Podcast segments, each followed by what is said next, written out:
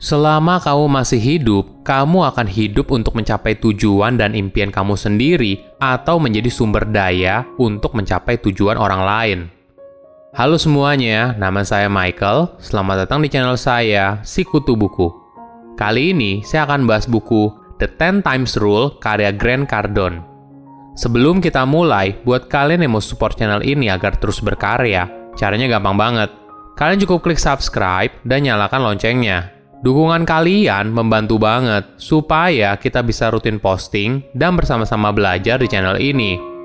Buku ini membahas jika kamu mau sukses, maka kamu harus bekerja 10 kali lipat lebih keras daripada orang lain. Pada dasarnya, kebanyakan orang melakukan sesuatu dibagi menjadi tiga tipe.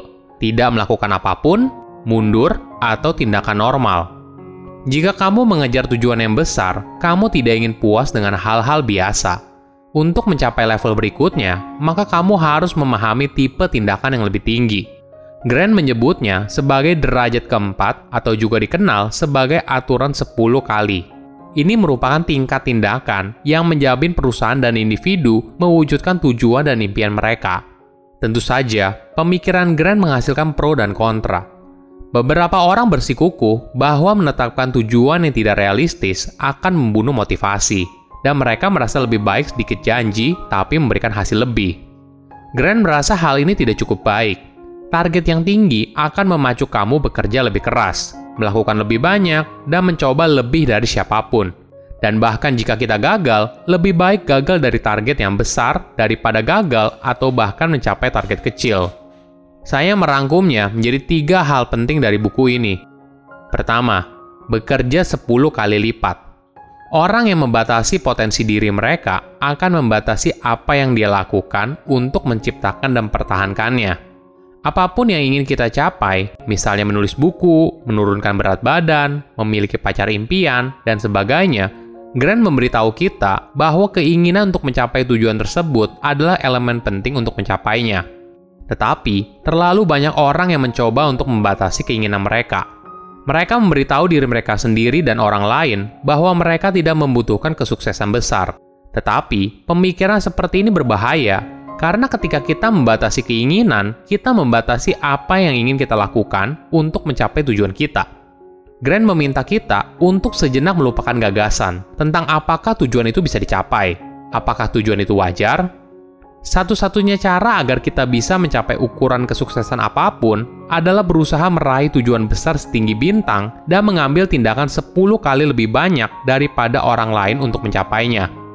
Grant memberikan contoh pengalamannya sendiri.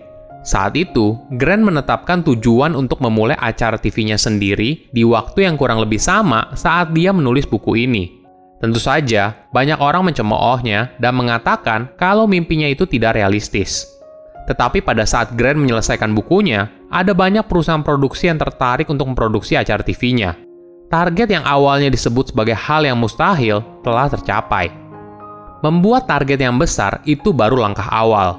Selanjutnya, kamu harus melakukan 10 kali lipat lebih keras untuk mencapai target yang awalnya terlihat mustahil. Inilah yang jarang orang lakukan.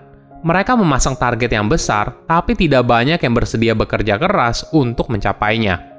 Bagi Grant, ketika dia pertama kali memulai bisnis sebagai konsultan, hal ini berarti melakukan 10 kali lebih banyak panggilan penjualan dalam sehari dibandingkan jumlah yang dianggap perlu atau bahkan masuk akal. Tindakan ini lalu mendorong dirinya sendiri di luar batas kemampuan normalnya untuk mencapai tujuan yang diinginkan. Kedua, menjadi sukses adalah kewajiban. Setiap orang punya definisi sukses yang berbeda ada beberapa orang menganggap kalau kesuksesan bukan segalanya. Tentu saja itu benar, tapi kesuksesan itu penting. Jika kita mengecilkan betapa pentingnya sebuah kesuksesan dengan berkata sukses bukan segalanya, maka hal ini bisa menjadi alasan kita untuk membatasi diri soal sukses yang ingin kita capai dalam hidup dan tindakan menuju ke sana. Grant punya pandangan yang berbeda. Banyak orang hidup hanya menjalaninya saja, mereka hanya mengikuti alur hidup mereka tanpa berusaha keras untuk meraih kesuksesan karena mereka berpikir kesuksesan bukan hal yang penting dan terjadi secara kebetulan. Grant merasa kalau kita harus memandang kesuksesan sebagai kewajiban. Sama halnya seperti orang tua yang menganggap itu adalah tugas mereka untuk memberikan anak mereka kesempatan terbaik dalam hidup, demikian pula kewajiban kita masing-masing untuk memberikan diri kita kesempatan terbaik. Mindset lain soal sukses adalah kalau tidak ada jalan pintas untuk mencapai kesuksesan. Setiap orang bisa mencapai kesuksesan yang dia inginkan asalkan mereka bekerja keras untuk mencapainya. Secara umum, ada empat level tindakan yang kita gunakan di berbagai titik dalam hidup mayoritas orang tetap berada di tiga level pertama pada sebagian besar fase hidup mereka. Untuk mencapai hasil yang luar biasa, kita juga perlu mengambil tindakan besar. Level tindakan pertama, do nothing. Ini berarti kondisi di mana kamu tidak melakukan apa pun untuk mencapai tujuan yang kamu inginkan. Level tindakan kedua, retreat. Ini adalah kondisi di mana kamu mundur. Ada beberapa alasan. Mungkin kamu pernah mencoba untuk mengejar kesuksesan yang kamu inginkan, lalu gagal atau kamu menghindari pengalaman negatif apabila kamu mencoba dan gagal. Level tindakan ketiga adalah normal action. Ini adalah kondisi di mana banyak orang berada.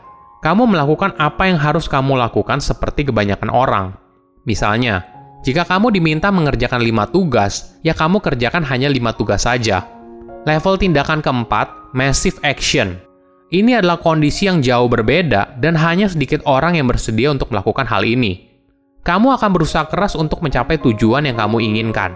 Ini bukan hanya soal berapa banyak jam yang kamu habiskan untuk bekerja, namun bagaimana cara kamu bekerja juga menentukan hasilnya seperti apa. Ketiga, bertanggung jawab atas kesuksesan.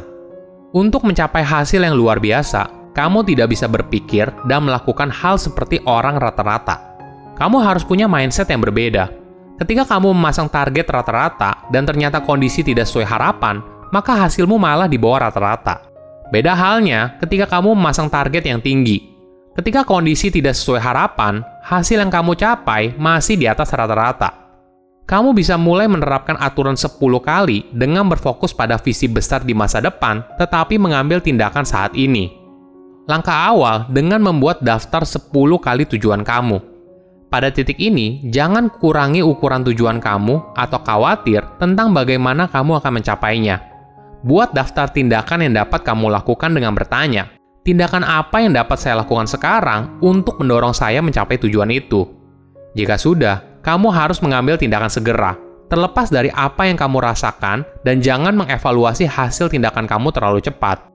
Setiap hari, kamu mengecek dan menulis ulang tujuannya saat kamu bangun dan sebelum tidur. Hal ini dilakukan untuk terus menjaga semangat dan dorongan untuk mencapainya. Perlu dipahami, Segala sesuatu yang terjadi dalam hidup kamu, baik ataupun buruk, adalah tanggung jawab kamu. Bahkan, ketika sesuatu yang berada di luar kendali kamu muncul, misalnya pandemi COVID-19, krisis ekonomi, dan sebagainya. Jika sesuatu yang negatif terjadi pada kamu, bahkan jika kamu tidak memiliki kendali atas kejadian itu, tanyakan pada dirimu sendiri. Jika situasi ini muncul lagi, apa yang dapat saya lakukan untuk mengurangi dampak negatifnya? Pola pikir baru ini menempatkan kamu sebagai orang yang bertanggung jawab dan punya kendali atas hidup yang kamu jalani. Kamu tidak lagi merasa sebagai korban dari keadaan, tapi kamu bertanggung jawab atas hidupmu, entah kamu suka atau tidak. Sukses itu bukan sesuatu yang terjadi secara kebetulan, tapi sesuatu yang berasal dari keputusan dan tindakan yang kamu ambil untuk mencapainya. Silakan komen di kolom komentar pelajaran apa yang kalian dapat ketika baca buku ini Selain itu, komen juga mau buku apa lagi yang saya review di video berikutnya. Saya undur diri, jangan lupa subscribe channel YouTube Sikutu Buku. Bye bye.